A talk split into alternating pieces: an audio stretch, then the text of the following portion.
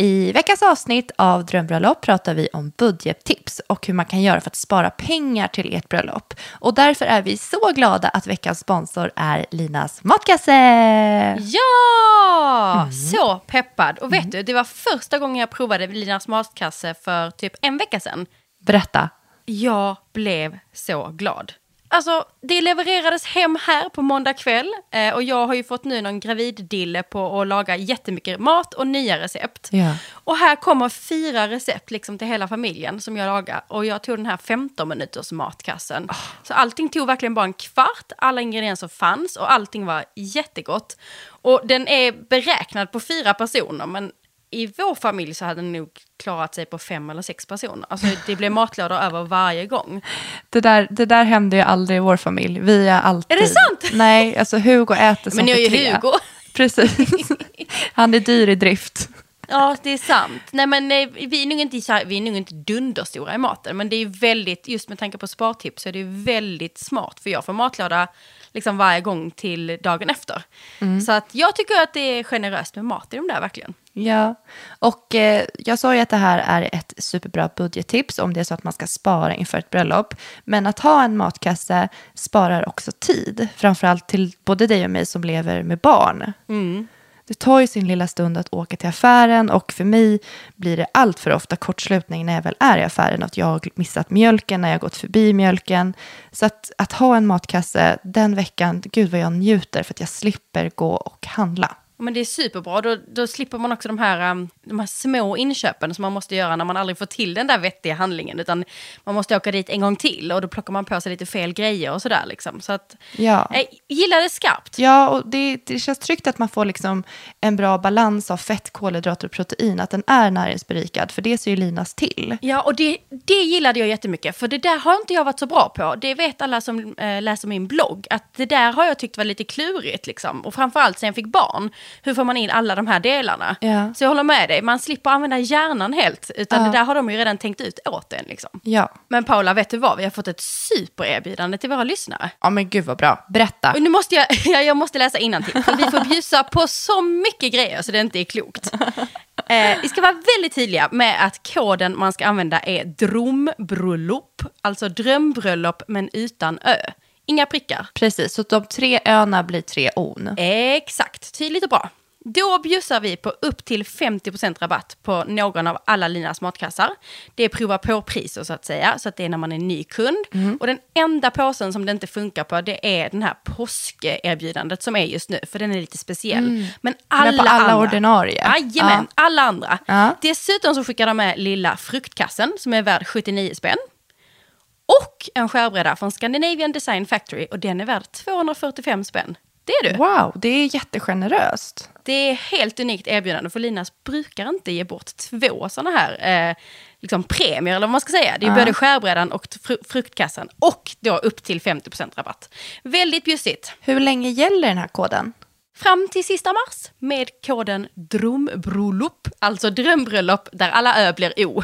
Svårt att säga. Och är det så att du skulle vilja testa någon av Linas matkassar så ska du gå in på www.linasmatkasse.se. Så bra, nu kör vi igång podden. Nu kör vi!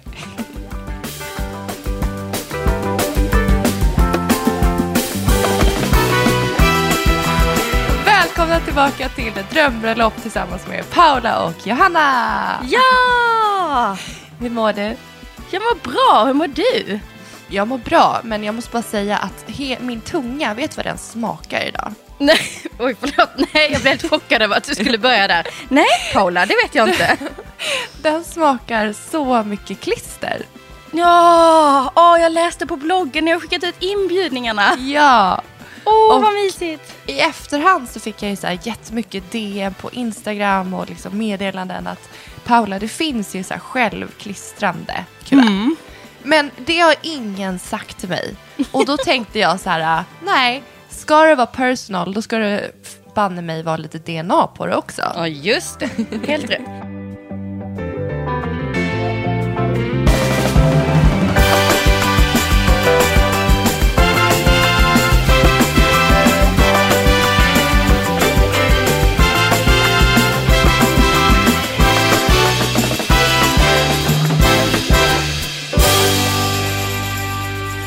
Och om man inte har självklistrande så finns det ju faktiskt sådana här, du bara tar en liten typ svamp och bara har lite vatten på och bara sht, drar den. Så smart. Att jag inte tänkte på det innan mina 80 kuvert. Så nu har jag istället skavsår och klistersmak ända in i gommen. Det ska kännas blod, svett och tårar. Så ska det vara. Verkligen. Men hur kändes det då att skicka ut dem? Nej men det var jätte... Ah, Gud, jag blev nästan lite rörd när jag satt där och var... Jag och Hugo hade, vi drack te, vi hade tänt ljusen. Det blev väldigt mysigt och väldigt verkligt på en och samma gång. Och eh, då slog det mig också, så för att vi ska ju gärna, vi vill ju att våra gäster ska sova över. Eh, och då slog det mig att, men gud, jag har inte ens bokat ett rum till mig själv. Så det måste jag ju göra innan mina gäster börjar boka upp alla rum. Hej, finns det något rum ledigt till oss? Ursäkta, det är jag som är bruden, men finns det något rum kvar? Jag kan ligga på någon soffa någonstans, det är lugnt bara. Bara det finns sovrum. Nej, men gud, har de inte någon härlig svit där eller något? Jo, det hade de. Så att nu har jag bokat upp den. Så det kändes fantastiskt. Gud vad spännande. Men du... Och vad sa du, 80 inbjudningar gick ut? Ja, åtta inbjudningar. Åh, Och men- gud vad kul. Det är mycket så här, vi har väldigt många, många går ju ihop, men sen så är det många som singlar också. Framförallt vänner. Så att då blir det liksom, det blir många inbjudningar. Men så ska det vara. Ja. Men den här, det här avsnittet är vårt eh, andra. Mhm. Och du vet ju om vad det ska handla om, eller hur? ja, lite vet jag. Jag har sett en titel, men annars så är det ju du som är host. Och jag börjar förstå hur du kände förra veckan, för man är lite sådär, oj, jag ska bara åka med, spännande. Ja, verkligen. Nej, men det här avsnittet ska handla om budget och lokal. Eh, och jag tänker att vi ska gå igenom allting. Framförallt, jag är ju så intresserad av dina bästa budgettips. Jag har ju kollat runt lite och förstår att man med små medel verkligen kan komma långt. Vi fick Men ju jag- faktiskt till och med med ett litet budgettips förra veckan där när vi pratade om när jag hade det här vårbröllopet där jag, kunde, jag hade plockat mossa och bara små gröna kvistar Mm. och lite sådär. Så att eh, det är ju ett första superbudgettips. Det är ju ta in naturen liksom. Det är ju gratis. Och det är ju bland det första som man måste ta ställning till när man ska gifta sig. Alltså det, det dröjde inte alls länge innan jag och Hugo sinsemellan började prata om budget. Vad får det här kosta? Det är oundvikligt. Man måste ta ett beslut och utöver det utforma sitt bröllop. Mm. Men hur tänkte ni först då? Pratade ni någonting om det innan ni träffade Michelle? För er som inte vet det så är Michelle bröllopskoordinatorn som sköter ert bröllop, som är anställd Mm. i mitt bolag. Hade ni tänkt någonting? Hade ni sagt någon summa innan eller var ni helt blanka? Nej, hade ni, hade ni liksom hört något på stan som ni sa? Ja vi, ja, typ? vi hörde en summa på stan som vi tyckte, men det här är okej. Och sen så i vårt första möte så var jag ju superärlig och bara, för mig är det helt okej om vi spricker budgeten, det får kosta mer. Alltså man älskar den bruden. Yes! och, och Hugo är, sitter bredvid mig, aldrig i livet. Vi, det här ska inte spräckas, hellre mindre eller mindre än vad vi hade planerat. Så att vi är ju väldigt dag och natt där, men det kompletterar ju oss så blir ju ändå att han balanserar mig och jag får honom att svänga lite i alla fall. Men sen tänker jag också så här att det här är ju jättevanligt. Det absolut vanligaste. Alltså jag får ju, jag får ju jätteofta frågan på mail typ av brudpar. Bara, Hej, vi skulle vilja ha hjälp. Vad kostar, det? Vad kostar ett bröllop? Typ. Och det är det får jag alla mina intervjuer och sånt också. Vad kostar ett bröllop? Och det går ju inte att svara på för det beror på så mycket olika saker. Så det måste man alltid gå igenom. Eh, vad, när man ska lägga en budget, då måste man gå igenom vad ska ingå i den här budgeten? Vad är den här budgeten för oss? Eh, för förra veckan gick vi igenom att man först gör prioriteringslista och sen gästlista. Och nu är det då dags för budget. Och anledningen till att man måste göra de grejerna, det är ju eh, innan liksom. Det är ju för att gästlistan påverkar budgeten så pass mycket. Är det 20 personer plus minus så sa jag det förra veckan att det är ju jättemycket pengar. Det kan ju vara 20 000 eller 40 eller 60 000 beroende på hur dyr varje gäst är så att säga. Eh, Så därför måste man göra de två grejerna först och sen eh, nästa grej man ska göra innan man faktiskt sätter sig i sitt lilla Excel-dokument eller vad man nu ska använda för någonting för att lägga sin budget. Det är att man ska fundera på vad tycker vi ingår i det vi kallar bröllopsbudget. För det är också jätteolika. Vissa tänker allt som har med bröllopet ska ingå i den här budgeten. Ringar, klänningar, tärnklänningar, en taxi till kyrkan från hotellet. Allt ska ingå. Medan andra tänker att nej, men vi tänker bröllopsfesten. Vi tänker liksom vigseln och blommor till det, middag, dryck. Oj, Förlåt, jag fick satt i halsen. är det okej? jag lever, fortsätt. Det var din tunga. Ja, nej, jag men, insåg eh, hur, mycket, hur mycket jag ska bränna. Så jag fick lite ångest. Ja, fortsätt. Förlåt. Gud. Nej men alltså alternativet är att man tänker bröllopsfesten. Man tänker eh, middag, dryck, dukning, dekor blommor. Och även blommorna då till brudsällskapet, liksom, brudbukett och sådär. Men att man tänker att till exempel vigselringen, bröllopsresa och kläder inte ingår i bröllopsbudgeten. För det tycker man är då någonting annat. Eh, och det är ju klart att det är jättestor skillnad på de två grejerna. För att eh, en vigselring och en bröllopsresa, det kan ju kosta en del. Såklart. Så det är därför som jag liksom, mitt mission är, som bröllopskoordinator är alltid att så vända tillbaka tusen frågor. Så som brudpar får man alltid hem, hemläxa hela tiden. Så jag kan tänka mig att Michelle frågar ganska tidigt så här, bara, men vad har ni tänkt er typ? Och så sa ni den här summan. Ja. Och sen när man frågar er, vad baserar ni den på? Nej men det känns rimligt. Liksom. Okej, hur många gäster ska ni ha? Ja, men vi, äh, det vet vi inte riktigt. Sjut, någonstans mellan 70, inte mer än 150. Så bara, och, då, jag har ingen aning om den budgeten är rimlig då. Eh, så det är därför jag tjatar vet, om det här. Gör det i rätt ordning och liksom, gör det Ja. grundligt från början. Liksom. Ja. Så det är sånt som kan påverka budgeten som man får börja med att och klura lite på och diskutera i början. Liksom. Och sen när man har satt det, det kan inte jag styra eller tipsa om vad som är bäst. Liksom. Utan där får man ju välja hur mycket som ska ingå i budgeten. I boken så har vi med alla de vanligaste posterna. Eh, så där har jag liksom gjort en hel lista. Eh, och den listan kan man bara ta och lägga in i en Excel. Det är bara att sätta sig och lägga in alla de posterna i Excel. Och sen så skriver man in antal. Och så då alltså, antal gäster och sen vad det är för kostnad då. Inbjudningar. Vi säger att era inbjudningar kostar 30 spänn säger vi. Inklusive kuvert och porto. Ja, 80 gånger 30 är lika med. Och så har man liksom en slutsumma hela tiden. Då får man ganska snabbt koll på ungefär vad man har för budget. Och sen kan man ha en kolumn till om man vill. Det blir väldigt tekniskt, men jag tror att folk gillar det. Eh, Där det står utfall. Där kan man ju faktiskt fylla i vad det blev. Så när man lägger budgeten så får man ju gissa och höfta lite. Ja, men vad, vad, vad tror vi vi ska lägga på inbjudningar? Så får man kolla lite, vad kan det kosta? Ja, men det kan kosta mellan 15 och 150 spänn. Ja, men det, är inte, det var ju ganska lågt på vår priolista. Ja, men då säger vi 30. Ja, okej. Så si- sitter man så och lägger in alltihop. Liksom. Och då får man ju ett, ett bättre hum om ungefär vad det landar på. Och då kan man ju också se, är den här summan rimlig? Är den ungefär det vi har tänkt oss? Eller behöver vi tänka om? Och då kanske man får ta bort någonting eller sådär från början. Men då, återigen, då har man gjort allt det där tunga från början. De här tre grejerna vi pratar om nu, det är det tyngsta. Det vi gjorde i förra veckan och den här budgetlistan, det är ju det som är det tyngsta lasset. För det är ju där man verkligen, det blir så verkligt och det är ganska oromantiskt att börja prata om budget. Att man börjar där och bara, nej Ja. vi, har, vi har inte råd med det. Alltså det är ju inte Nej. så kul. Men Nej. det blir ju bättre att man gör det från start liksom. Precis. Men nu blir jag så nyfiken på när vi pratar om budget. Och då tänker jag att du har ju säkert koordinerat en himla massa olika typer av bröllop. Men kan inte du, alltså jag blir så här, vad kostade det dyraste bröllopet du någonsin har koordinerat? Kommer du ihåg det? Jag får höfta lite tror jag, för det, det är lite lurigt det där. Och, jag, jag brukar vara ganska involverad i budget, men jag brukar alltid se till att mina brudpar har kontrakt själva med leverantörerna. Just för att man som brudpar ska ha lite koll, oavsett om du har en budget på 10 000 eller om du har en på eh, med 4 miljoner, som jag hade ett. Eh, Fyra miljoner? Nej men nu skojar du. Och Nej. satan i gatan. Och vad är det billigaste bröllopet som du har koordinerat?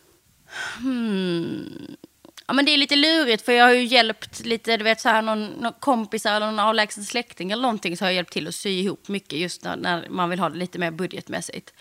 Ehm, och då är det lite svårare att säga vad det skulle vad det skulle ha landat på. Men jag har ju gjort det som verkligen, alltså, exakt vad det låg på, det minns jag inte. För återigen, det beror ju lite på hur många gäster man har. Men de hade rätt många gäster, de hade 120 gäster. Men de ville verkligen ha budgetaktigt. så att de, eh, de hyrde en sån här bygdegård. Vad kostar det att hyra? I tre, fyra dagar, 700 kronor typ. Ehm, och de ser ju för jäkliga ut rent ut sagt, de flesta av dem. Det är ju liksom furu och det är, ja, det är ju inte trevligt. alltså om man vill ha den här klassiska vita lite stilen. Och sen, ehm, sen, de var ju jätteduktiga, de jobbar ju hårt själva. Så vi knöt lakan runt alla stolarna och liksom, du vet, klädde in väggar i vitt. Och, Jag gjorde eh, också det på min pappas bröllop för inte kan du inte sedan. berätta lite om din pappas bröllop? För där hade de ju verkligen trixat till så det blev så fint. Ja, alltså det... Min pappa och hans fru hade ju inte alls... De, hade, de bestämde sig i september att de skulle gifta sig. Och sen så satte de ett datum till januari, så att de hade bara några månader på sig. Eh, och de bjöd alla sina vänner, alla, sin, alla deras närmsta käraste, så att det var liksom ingen saknades. Och eh, de gjorde också så himla fint när jag kom till den här lokalen. För att jag och min lilla syster kom på fredagen och då var det verkligen furu. Och jag bara, åh herregud, hur kommer det någonsin kunna bli mysigt här inne? Men hon hade hur mycket bra idéer som helst, hade kollat massa Pinterest och bara satt oss i jobb. Och vi hade jättemycket vita dukar, vi knöt också stolar, vi satte upp massa ljusslingor på väggarna, gjorde som en sänghimmel i taket. Så att Mm, det jag liksom blev den. en jättefin känsla. Jag kan faktiskt, jag kan, jag kan lägga upp lite bilder från hur det såg ut med dekorationen i vår Facebookgrupp. Efter, Ja. Så kan ni kolla, få kolla, för det var så himla, himla fint. Och eh, de hade inte alls stora medel. Men Nej. det blev fantastiskt. Det blir jättefint och om man Mm. själv är beredd att lägga in den tiden och energin och den insatsen som det är liksom. Ehm, för då behöver man samla familjen och man behöver ju... Mm. Precis. Alltså de här, de här ställena man dukar, man gör allt sånt själv liksom. Och det Ja. är skitmysigt om man bara har styrt upp det så att det är ett gäng som hjälper en och på med lite bra musik och liksom man vet så här, att det här Exakt. kommer att ta så här lång tid och, och det här är en del i bröllopet. Att vi på Mm. torsdagen eller fredagen eh, liksom är här i sex timmar och dukar och hänger upp grejer och vad man då gör liksom. Då är det Men ju jag tyck- skitmysigt. Ja, det var faktiskt det. Och det för jag åkte eh, dagen innan tillsammans med min syster, så att Hugo och mina barn stannade hemma. Och det var så mysigt att ha den här intima stunden tillsammans med min pappas nya fru. Mm. Alltså tillsammans med min pappa, tillsammans med min syster. Alltså min grundfamilj. Jag tyckte, Mm. det, var, jag tyckte det var jättehärligt och tyckte bara att det var kul. Och jag tycker det är så fint för att idag har det blivit mycket att man vill, lite som ni också har sagt, så här, man vill ge gästerna en fest. Mm. Det är många av mina brudpar som är väldigt fokuserade på att ingen ska behöva göra någonting. Min, min familj ska inte behöva göra någonting. Mm. Eh, och man ska bli väldigt bortskämd. Och det är ju jättehärligt. Men ibland så glömmer man lite bort att det fina är att folk faktiskt vill hjälpa till. Eh, Mm. Att man faktiskt vill göra någonting. Att det inte alls är, det är liksom inte fruktansvärt att behöva komma och lägga ut namnlappar på fredagen. Utan Nej. Det, det, man kan göra det till något mysigt. Och då hänger det ganska mycket på hur brudparet är. För att om det står en hysterisk brud där som tar emot, som står och skriker och är stressad och vi måste få upp det på taket, vi måste göra det. Då Det blir inte det. jag. det där var jag i ett nötskal. Jag vill inte säga det. Nej men det blir ju lätt så så. Och det måste man ju... Hade, kan man däremot då vara lite chill med det och ta Ja. höjd för ganska mycket tid. Det är oftast det man gör fel. Man tror att saker tar en halvtimme och så tar det tre timmar. Och det är ju då man blir jättestressad och irriterad. Alltså Men- vi höll på i typ åtta timmar kvällen innan. Mm, Vi kom hem halv två på natten och dagen efter var det wedding. Och det är inte helt ovanligt. Så att om man ska göra mycket själv, då, alltså då är mitt... Om man, om man har ett budgetbröllop där man ska göra väldigt, väldigt mycket själv. Alltså man ska, man ska duka, bara att ens sätta ut bord och stolar. Det är sånt man har glömt beräkna i tiden. Hur lång tid det tar att sätta ut eh, 10-12 bord och stolar till 80 eller 100 personer. Och sen ska det på med dukar på det. Och då kanske man har tänkt eh, att man har köpt till exempel på Ikea har de så här skitbilliga lakan som man kan ha både till dukar och runt stolar och allt sånt här. Då har man köpt det, då är det väldigt lätt att man inte har packat upp de här 100 lakanen utan att de ligger tajt, tajt packade i någon liten plastförpackning som man då ska stå och klippa upp och så tar man upp den och så säger man men gud de här borde ju strykas så vi kan Ja. lägga på dem så här på Det var bordet. det jag precis skulle säga. Ja. Herregud vad den här strykningen tog tid. Ja, och det ska man ha gjort innan. Man ska ha Ja. packat upp allt som är i förpackningar generellt när man ska dekorera. Det ska ha packats Mm. upp, det ska ha klippts av lappar, det ska ha strukits, det ska ha lagts rätt antal per antal bord. Allt sånt kan man göra hemma i olika påsar. Mm.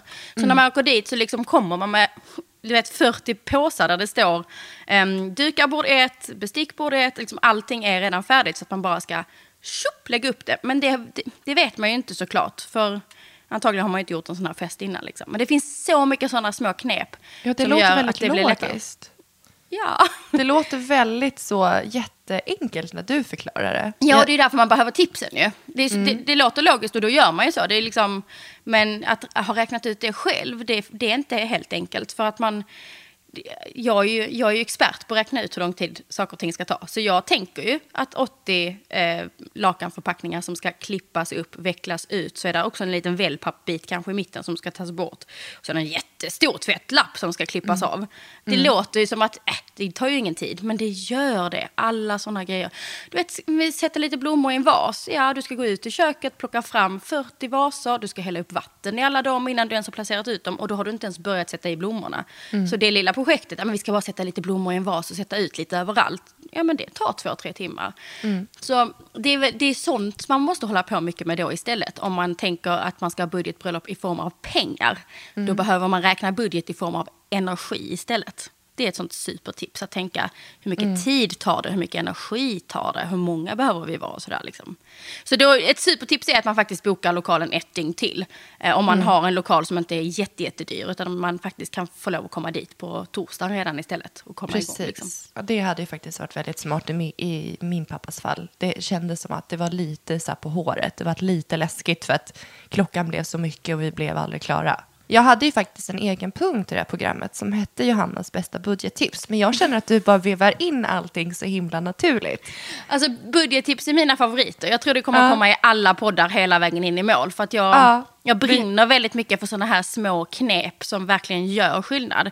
För jag får ont i magen av, alltså min största skräck det är just att, man, att en, ett brudpar, eller oftast tyvärr, nu generaliserar jag, men oftast bruden, står och har ont i magen, har lite psykbryt och står och skriker på sina nära och kära. De, de är fyra, fem timmar sent på det liksom. Och det är, Alltså, man blir stressad för att det aldrig blir klart, man blir stressad för att man ville ha sin skönhetssömn, man ville duscha, man ville lägga en ansiktsmask eller man vill, vet alla de här grejerna. Ehm, och det, det är så synd. Så att just tidsknep och budgetknep, det kommer jag liksom vräka ur mig för det är mina favoriter. Men, och det känns väldigt behövligt för att jag känner ju att jag är den personen som skulle kunna få ett psykbryt timmarna innan. Så att om du har gett mig massa visa ord så kanske jag känner att jag kanske har med mig det på min stora dag.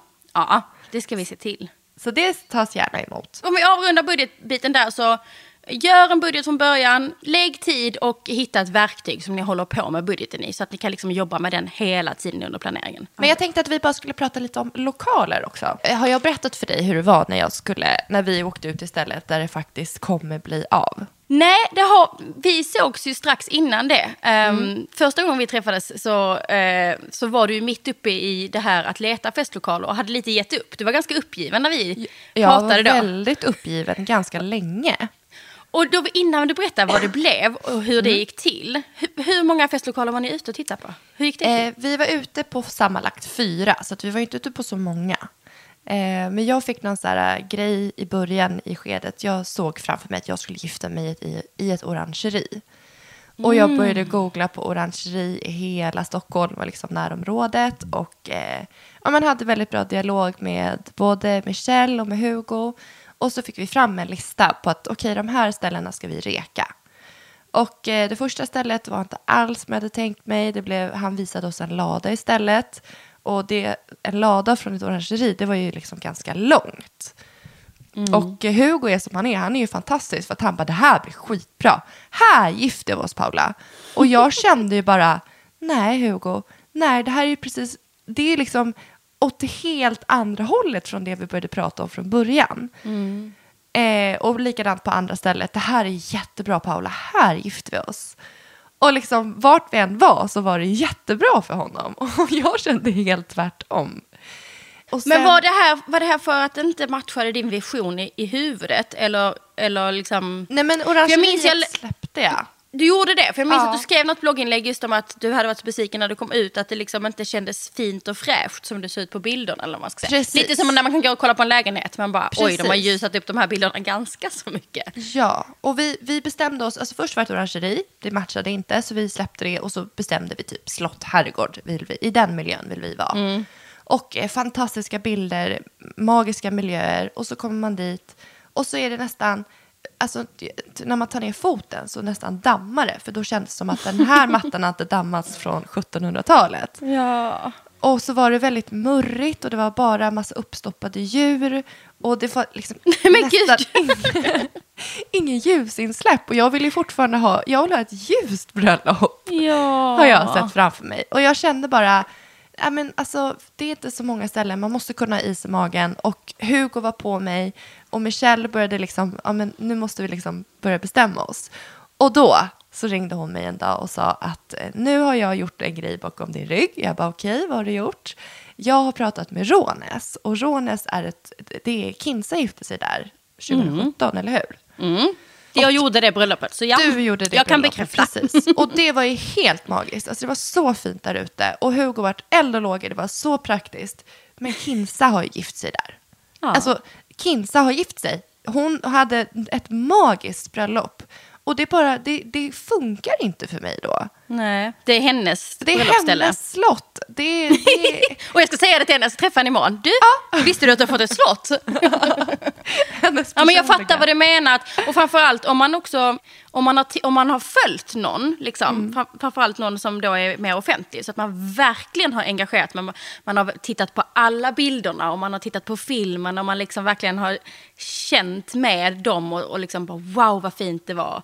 Man har kollat på alla detaljer. Då Ja. har man ju nästan varit, alltså i ens eget lilla huvud, så har man ju typ varit på bröllopet. Och då är det ju deras. Det är ju deras Precis. ställe, de har gjort sin grej. Eh, liksom, ska man gifta sig där över den bron, då ska det se ut så.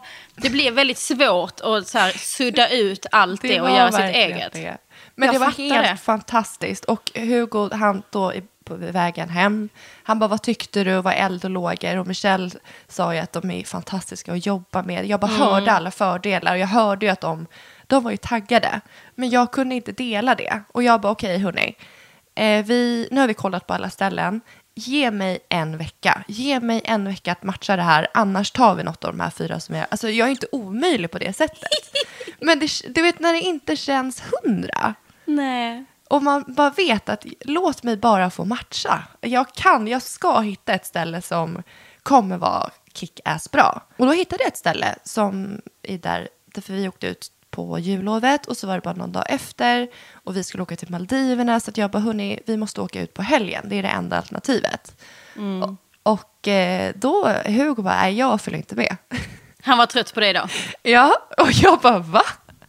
Nej, han bara, nej men jag tyckte att alla ställen är jättebra och du tycker inget är bra. Så att åk du, bestäm du, jag är på dig. Jag bara, nu, nu skämtar du att du inte ska följa med på det här sista stället som är det bästaste stället. Så att eh, han stannade hemma och så tog jag med mig en av mina tärnor och Michelle. Och eh, alltså vi vart helt lyriska. Vi vart så exalterade, taggade, peppade. Det var liksom för bra för att vara sant. På Wow. alla sätt. Både när det gäller hur det såg ut, det var nyrenoverat, det är ett slott. Det är ekonomiskt gynnsamt för att det har vissa finesser. Så att vi kommer komma ner i budget och ha det på vår, eller på en, på en drömplats helt enkelt. Men wow. Och så jag filmade och pratade Facetime med Hugo. Och han vart ju också så här, han blev ju helt blown away. Så att eh, jag varit väldigt glad över att jag gick på min magkänsla när det, var, när det gällde lokalen. För att det blev väldigt bra till slut. Ja, och det skönaste när man väl har tagit beslutet, alltså nu blev du ju jättekär i den här lokalen, men oavsett när man väl har bokat, då finns ingenting annat. Så det Nej. det är ju också så ett viktigt beslut, att inte, om man, om man har hittat två man gillar, liksom, ja, men vi gillar det och vi gillar det, men det där ligger vid vattnet, men å andra sidan, alltså det kan vara sådär, man gillar båda men de har varsin sak som liksom, man skulle helst vilja ha båda men det finns inte. Och då är också hemligheten att ta beslutet så fort som möjligt, för att det där med att liksom, Ja, under, ja, som sagt, första gången jag träffade dig någonsin, då var du ju mitt i att du inte hade hittat ditt ställe och var ganska uppgiven. Och bara, men Johanna, finns, det finns inte det här stället jag vill ha eller? Det finns inte, det existerar inte. Eller, Det liksom. fanns inget orangeri. Nej, då sa jag, kom till Skåne. I Skåne Ja. har vi allt. Ja. men, eh, men, ehm, så att det är alltid när man har bestämt, så fort ni hade bokat det, då kan ju din hjärna gå igång på att det är där ni ska ha ett bröllop. Och hur Ja. ser det ut? Och hur ska vi ha det på, i, liksom, i festlokalen och där ute och på toaletten? Och liksom. Så det är alltid väldigt skönt. Det är ett stort beslut att välja festlokal. För när den är på plats så känner man verkligen att man är igång. Liksom. Men jag tyckte att det var ganska skönt också att kunna få se det här som jag tyckte kändes mindre bra. För då kunde jag också sålla. För varje ställe jag var på så fick jag också så här, äh, en vision om hur jag faktiskt vill ha det. För att oj, nu dammade det väldigt mycket här när jag gick i trappen. Så vill jag inte ha det. Nej. Eh, oj, det var väldigt, det var nästan inget ljusinsläpp här. Det är väldigt mörkt och murrigt och uppstoppade djur. Det är inte den miljön jag vill vara i. Nej, men då var det väldigt tydligt också, för att jag har aldrig gift mig. Jag har ingen Nej. aning om hur jag ville ha det, men när man är ute och tittar vad som finns, då får man ändå, då bildar man ju sig en uppfattning. Så jag tror att ta... Och lika mycket som ja. att man ska veta vad man vill ha, lika, mycket, lika viktigt är det ju vad man inte vill ha. Det brukar jag ställa fr frågor i början också. Okej, vad är er största skräck? Vad, vad Mm. får absolut inte hända på ett bröllop eller om man letar festlokal? Hur får det absolut inte se ut? Och då har man oftast några ganska tydliga punkter. Att, Mm. nej, men det får inte vara mörkt och murrigt. Eller jag hatar rött. Är det rött så går det inte. Eller, ja, men du vet, liksom, Mm. Man har ändå några som är ganska tydliga. Och de är ju lika mycket vägledare som det man drömmer om. Så Mm. att det är jättebra. Och det är samma sak där. Skriva ner allting efter varje gång. Precis. Och fyra lokaler, ja, det är inte jättelite. Ja, många åker och tittar på mellan ja, två, tre, fyra lokaler ungefär. Man brukar inte Ja. kolla på mer i alla fall. Så att, Nej, man Eh, orkar ju inte. Nej, man blir så besviken. jobbigt. Ja. Ja. Men jag tänkte bara till alla som väl ska ut och leta lokaler. För att jag levde ju på Google fram tills halv ett på nätterna.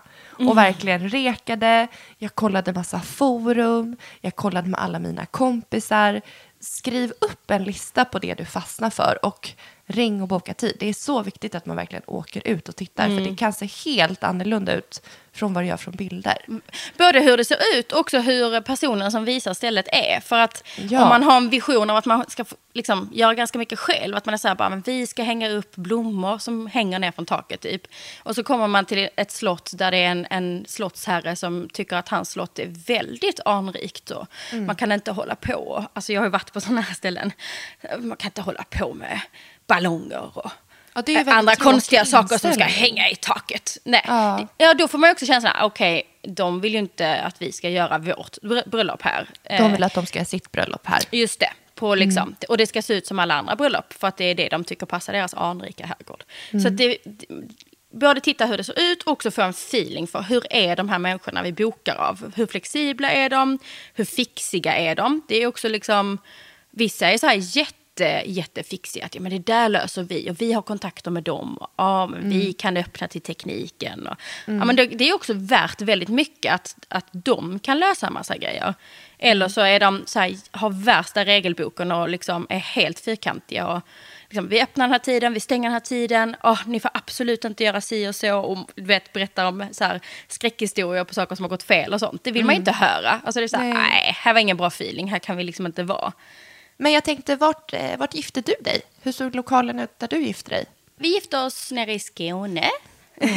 vi bodde i Stockholm då, men det kändes fint att åka hem till min hemort och gifta oss. Så vi gifte oss på ett slott utanför Eslöv, där jag kommer ifrån. Eh, som ligger väldigt nära den golfbanan hela släkten har varit med i. Min farfar har varit mycket på det slottet. Och, ja, men, man känner till de som har ägt och drivit det länge. Nej men gud, nu höll jag på att börja gråta igen Paula. Vad är detta? Ja, men det var nog ganska jobbigt nu när vi skulle gifta oss. När vi förlovade så låg min farfar på sjukhus. Jag minns så väl när vi berättade för honom att vi skulle gifta oss. Att du måste liksom... Du måste leva. Du måste upp och hoppa nu för vi ska ju dansa vals. Och då berättade jag att vi skulle vara på det här slottet. För det liksom, jag vet ju att det var ju ett slott som han har tusen historier om. Liksom. Så sa jag, du måste, du måste, du måste liksom upp och hoppa nu för vi ska dansa vals. Och då sa han så här, du, det får bli en tango. och, och han, var, han hade typ bestämt sig för att han inte ville vara med längre. Men han var på bröllopet sen. Åh, åh, gud, vad är det? Nej, Nu måste vi bara påminna alla om att jag är gravid här. Jag är gravid, det är gravidhormoner. Huh, det är därför jag håller på att gråta. Jag tycker det är vackert att du har nära till gråt. Jag tycker det är jättevackert. Gud. ja, men det var i alla fall jättehärligt. Så att vi, det var, det, det, min, så här, din grej var orangeri, min grej var vitt slott. Jag ska ha ett Mm. vitt slott, det ska vara vitt. Vet, man, man är ju knäpp ju. För man Ja. ser bilden framför sig, vi ska stå framför ett vitt slott. Helst ska det vara en sån här slottstrappa. Det fick jag, det fick jag karva på, det var ingen sån trappa som jag hade sett att vi skulle stå i och ta gruppbilden på. Det fanns inte, men det, då fick jag ju bortprioritera det. Och sen så var det ett jättefint korsvirkesstall som också var så här, som du säger, fräscht, nyrenoverat, vitt, stort. Eh, liksom. Så det, där var vi hela lördagen. Och sen så hade vi ju fredagen och söndagen hemma hos mina föräldrar i deras trädgård. För att vi hade inte budget att bjuda på mat och dryck från liksom en restaurang i tre dygn. Utan på fredagen så grillade vi korv och bjöd på burköl i mamma och pappas trädgård. Men gud, vad, det var trevligt. Aha, Alltså det. av bra stämning. Väldigt bra stämning, väldigt härligt. Och eftersom vi var i Skåne så ville jag väva in, eh, jag, ja okej, jag planerar ganska mycket mer än vad Rickard gjorde. Men min man är från Småland, så på fredagen hade vi småländsk afton för att knyta an liksom, till hela den sidan släkten. Så då eh, All korv köptes i Småland, för Vaggeryds chark är den bästa korven i hela Sverige. Och sen så hade vi då Smålands burköl och sen så hade vi tagit en, en, en tidning från Småland, eh, Jönköpingsposten. Den hade jag gjort så här strutar till att ha pommes i. Så var småländska små pommesstrutar och tusen sådana detaljer till. Liksom. Och så stod det skyltar, så här, småländsk afton. Liksom. Så det var också så här ett fint sätt att knyta in hans familj i det hela. Just för att det, det blir ju lätt ja. liksom, att ja, men nu ska alla åka till Skåne och Johanna mm. jobbar med bröllop. Och, ja, men du vet, det blir, liksom lite, det blir väldigt mycket hennes. Liksom. Så då ville mm. vi göra hela fredagen till den här eh, mer Rickards afton. Liksom. Det var Superbra tips.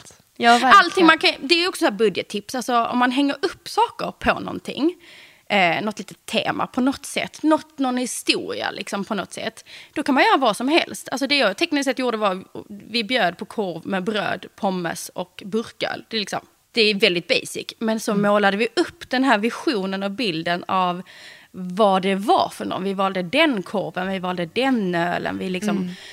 De här små detaljerna som gjorde att det blev liksom, upplevelse sig. Ja, upplevelse ja. och genomtänkt liksom.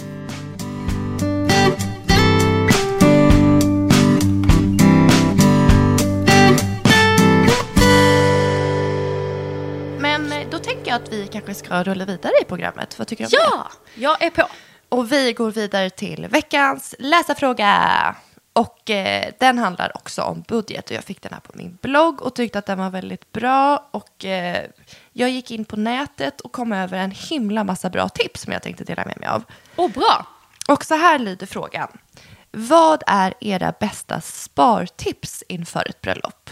För att vi pratar väldigt mycket om budget, men det, är ju, det beror ju på man måste ju spara pengar. Verkligen. Man kanske gör det av sig själv eller liksom att man börjar göra det inför ett bröllop. Och då, det finns en massa grejer som man faktiskt kan göra för att liksom komma runt. Eller få ett bättre sparande. Mm. Så att jag har några punkter här som jag läser upp dem så kanske du vill kommentera dem. Och vad du, om du tycker att det här är en bra idé. Älskar det. Så himla bra. Ja. Ge och oss dina tips. Min första punkt är att man ska börja föra en kassabok. För att innan man börjar spara så måste man ju ta reda på vart pengarna faktiskt går. Man måste lokalisera sin ekonomi. Mm. Vad tycker du om det? Mycket bra. väldigt många har men det, det är väldigt lätt att man, eh, att man inte har exakt koll på var pengarna går. Man vet ju ungefär, man vet de stora kostnaderna, de stora räkningarna och så. Men sen liksom alla de där grejerna som händer måndag till fredag eller måndag till söndag mitt emellan. Mm. Kaffe, latte och annat man kanske köper. Ja, men de, de här har man ju inte koll på. onödiga kostnaderna. Mm. Och jag tänker då, för man en kassabok, om jag skulle ha en kassabok och verkligen se svart på vitt vad jag bränner pengar på, då skulle jag ju också få en tankeställare varje gång plånkan liksom ändå åker fram. Nummer två, att man ska se över sina kostnader i till exempel el, tv, bredband och telefoni, försäkringar.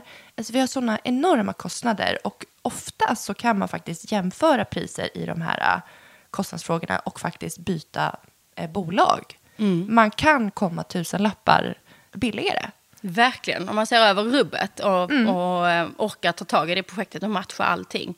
Eh, mm. och grejen är så här, förhandla liksom. Bara att ställa frågan till sin bank eller sitt försäkringsbolag eller vad det då är. Att man bara så här, ja vet du jag tycker det är lite för dyrt. Jag, jag hade tänkt mig lägga mig på den här nivån istället. Hur kan mm. vi lösa det? Vi svenskar är inte så bra på det. Vi, är inte så, vi, vi vad kostar det? Okej, jaha, det är det det kostar. Och sen köper vi det. Vi är inte så bra Precis. på att pruta och förhandla. Absolut Men bara man ens inte. frågar, så oftast mm. så, um, så kan man liksom få till någonting. Och en 50-lapp här, en 100-lapp där. Liksom. Mm. Mycket bra tips. Punkt nummer tre, minska matkostnaderna. Mm. Eh, och då tänker jag att man ska handla smart och att man ska laga matlådor. För att jag har ju räknat ut min kostnad, vad min lunch kostar varje månad. Mm nu tänker jag en dagens lunch som kostar ungefär 80 kronor. Det äter jag ute ish fem dagar i veckan. Vet du vad det blir i månaden, Johanna? Jättemycket pengar och då tycker jag ändå att 80 spänn låter relativt billigt räknat för en dagens lunch. Ja, jag höftade, för det, det brukar Aha. ligga mellan 80 och 100. Så mm. jag, jag räknar med det billigaste, mm. för att bara, det blir 1600. Annars får man för mycket ångest. Ja, det blir 1600 kronor ja. i månaden. Tänk vad mycket pengar det är. Ja, och det kan man faktiskt undvika om man har ett mål. Då kan man faktiskt handla smartare och laga matlådor för att komma runt 1600 kronor i månaden tycker det är ett jättebra tips. Och just lunch, alltså oftast när man, alltså måndag till fredag, oftast är ju lunch att man bara måste ha i sig mat. Det är liksom inte då man sitter och gottar sig och njuter, Nej. att det egentligen är värt att vara på en restaurang på det sättet. Utan Nej. det är ju faktiskt att man ska få i sig sin, sin näring på lunchen. Och det, det, då om någon gång är det väl ganska relevant att spara in på det. Ja. Och eh, nummer fyra blir också en så här följd på det, att man ska skriva en matsedel. Att man skriver den varje söndag. För att då börjar man ju faktiskt att handla smart. Då vet man ju, man börjar handla mer målinriktat och då kan man ju som du säger, va- varför behöver, alltså om man känner att man inte behöver lägga ett krut i lunchen så kan du ju via din matsedel lägga ett krut utifrån er budget på lördag och söndag. Att det fortfarande blir kvalitet i livet, men en smartare kvalitet helt enkelt. Och nummer fem, testa en matkasse. Ja. Jag tänker att när vi har matkassar hemma så blir det ju mycket färre matinköp. Alltså de här Verkligen. onödiga matinköpen kommer man faktiskt runt tack vare matkasse. Och det blir väldigt mycket mat. Ja, och mitt sista, nummer sex, det är att man ska undvika impulsköpen. Du behöver inte det där du går förbi, du har ett mål, lägg ner plånkan och bara fokusera på ditt mål. Strunta i det där som du bara vill ha för stunden. Och jag hittade allt det här på en hemsida som hette budgetbröllop.se. Och den hemsidan var väldigt fint kategoriserad. För det var så här, så här sparar du på allra bästa sätt, här är lekarna för budgeten, så här dekorerar du. Så jag tyckte faktiskt att den hemsidan var fantastisk. Den kom med väldigt mycket roliga knep och jag själv fastnade för en hel del av lekarna som de skrev om där. Gud vilka bra så här, sparandetips. Och det är någonting som faktiskt är med, som, jag- som jag brukar ha med ganska tidigt. För det är lite olika vad man har för typ av ekonomi. Man måste lägga upp ett sparande eller inte. Men de allra flesta människorna kan inte bara gå och gifta sig imorgon och, Nej. utan att och, och lägga en sparplan. Så det, det är också med här i början i uppgift. Öppna sparkonto, lägg en sparplan. Och det, det är också någonting som är ganska fint att göra tillsammans och ta det där aktiva beslutet att eh, så här, okej nu har vi ett mål, hur mycket ska vi, så bryter man ner det på 12 månader då, så här, om vi ska gifta oss om ett år och då ska vi ha så här mycket pengar. Okej, hur mycket måste vi spara i månaden och hur ska vi spara ihop de här pengarna? Och då är det ju inte bara att man själv undviker det där köpet, utan när man kommer komma hem ska man säga så här, jag såg en blus som hade varit så urtypiskt att jag köpte för att den kostar bara 199 spänn. Men sen tänkte jag på att vi faktiskt vill ha det här, så då, då struntar jag i det och så kan man high-fiva med varandra. Så det blir ju också att man lite så här gör det ihop och att det blir lite så här te- teamande i det hela, vilket är lite mysigt när man sätter upp så tydliga mål. Så mitt sista tips är väl med sparande just att så här, ta den stora budgeten och sen dela upp det i delmål, så du bryter ner det i månad och kanske till och med i veckor. Så blir det liksom inte så omöjligt.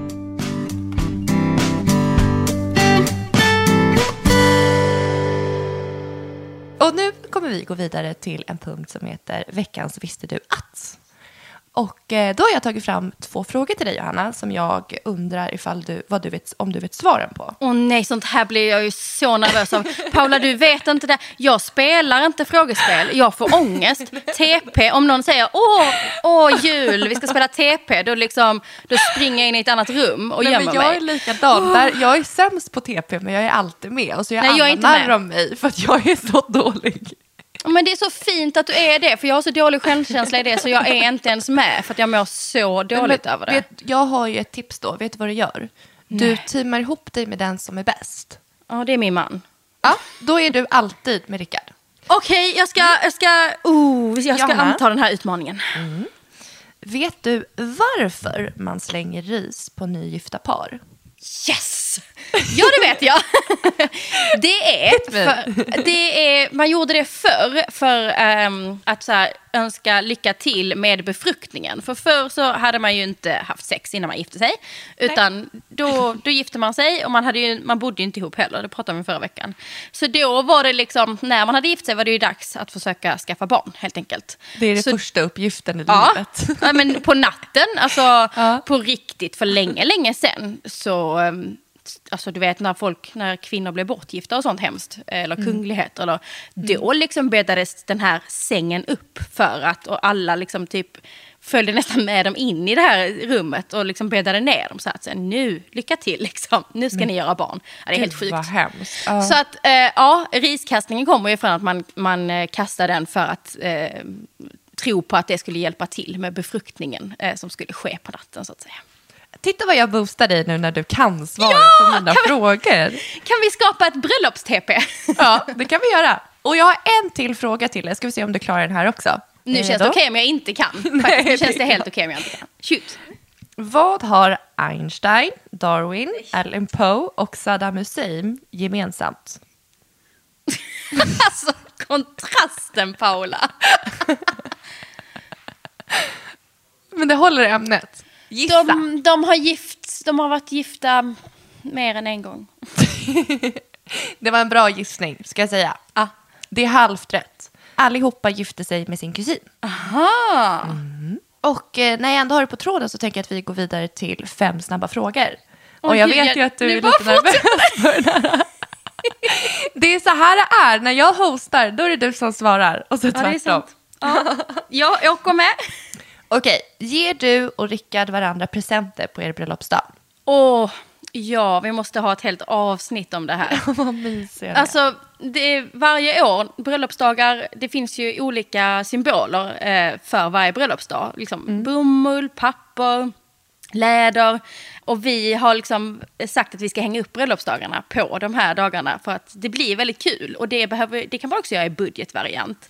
Eh, Man kan dra upp eller ner det liksom. Så när det till exempel var frukt och bröllop, ett, fyra år tror jag det då var Rickard så smart så då gav han mig ett presentkort på sån här em, en juicebar i Stockholm där vi bodde. Så fick jag så här tio juicer, frukt liksom. Och det var ju skitlyxigt. Alltså varje Ja. gång jag i, fick unna mig en sån där skitonödig dyr eh, juice som man ska dra in på om man ska planera budget. Eh, då, liksom, då smsade jag honom och bara tack för juicen älskling och blev så jätteglad. Så väldigt, ja men det är jättemysigt att hänga upp det på de dagarna. Vi har också bestämt att vi alltid ska ha barnvakt. Eh, alltså även om det är en onsdag, inget sånt. Nej men vi, det, vi har bröllopsdag idag men vi ska, vi ska äta lite middag på lördag. Utan på bröllopsdagen, då är det liksom från morgon till morgonen efter så är det fullt firande. Det är eh, presenter och titta på filmen. Och jag tar gärna på mig min bröllopsklänning eller min slöja. Och sen- är. Vilket eh, datum är er bröllopsdag? 4 augusti. 4 augusti, det ska jag komma ihåg då. Ska jag Ja, det- gratta dig den 4 augusti? Ah, Så taggad. Om fyra år ska vi ha bröllopsfest igen. Bara fyra Åh. år kvar. Så taggad. Ja, gud vad roligt. Alltså det, jag tycker man ska fira saker. Ja, verkligen Ja. ska bli jättemysigt. Men oavsett, nu när vi hade fem års bröllopsdag förra året, då, ehm, då skrev vi nya löften till varandra som vi läste upp för varandra. Liksom utifrån den situationen vi är i idag. För vi hade ju inte barn när vi gifte oss. Så att, eh, och vi skrev egna löften till kyrkan. Eh, Och sen så nu så liksom förnyade vi dem efter fem år utefter oss där vi är idag. Vad är det vi vill så här, förstärka i, till varandra idag så att säga. Okej, eh, fråga nummer två. Okej. Du får 100 000 kronor. Yes! Mm. Och nu, nu att du är brud.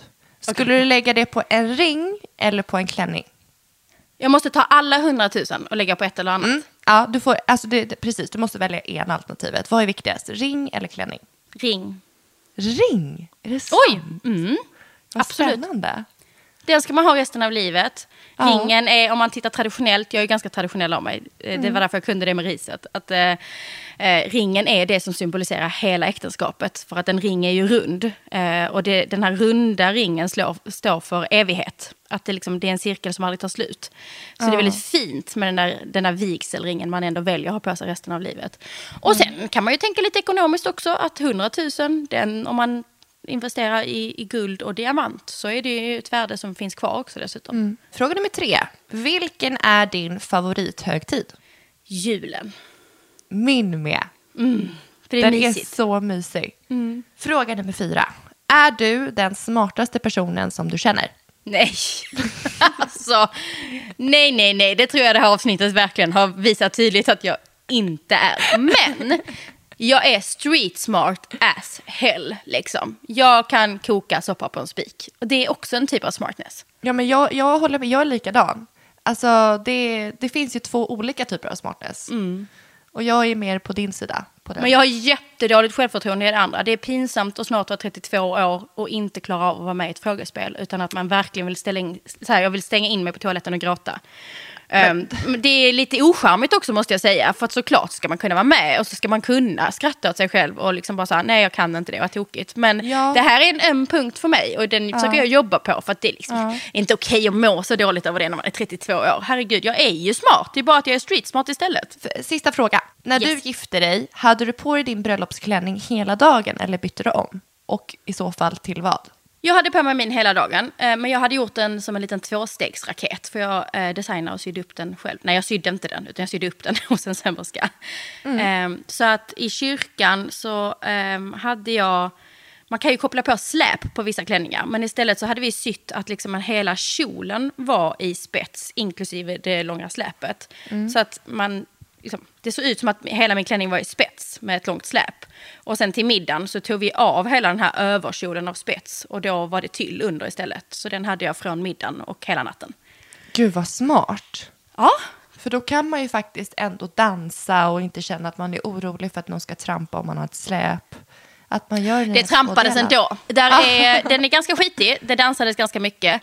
Och ja. eh, där är ett hål i underklänningen som jag vet, jag minns exakt när jag stod och dansade och jag tittar på mamma och säger mamma, din klack har gått igenom min, min kjol. Och hon bara oj, och så lossade, liksom, för det är ett, exakt sånt, du vet, stilettklackshål. Lossade vi den och så bara ditt, ditt, ditt, ditt, dansar vi vidare liksom. Men har du kemtvättat din klänning eller är den som den är? Nej, den är skitig. Oh, gud vad charmigt. För det, jag tänkte precis på det. Hur gör man? Hur gör man? Man vill ju ha kvar, jag vill ha kvar skiten också. Ja, jag vill också det. Mm. Eh, men nu så ska ju vårt, mitt kontor ska göras om till uh, den här bebisen jag har i magen. Det ska bli mm. uh, hans rum. Ja. Så nu så vet jag inte vad jag ska göra av klänningen. Och Rickard var så här bara, men de flesta plastar in den och lägger upp den på vinden. Jag bara, nej. Jag, jag tänker vi ska ha den som en tavla här. Kan vi hänga upp den typ i taket? Är inte det fräckt? Ja, liksom?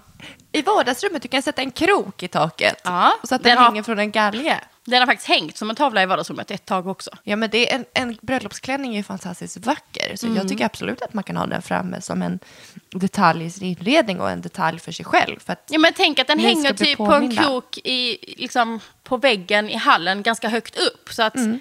det liksom blir mer som en, ja, men som en tavla.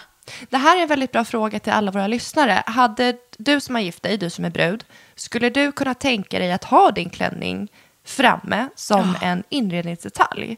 Svara ärligt ja eller nej.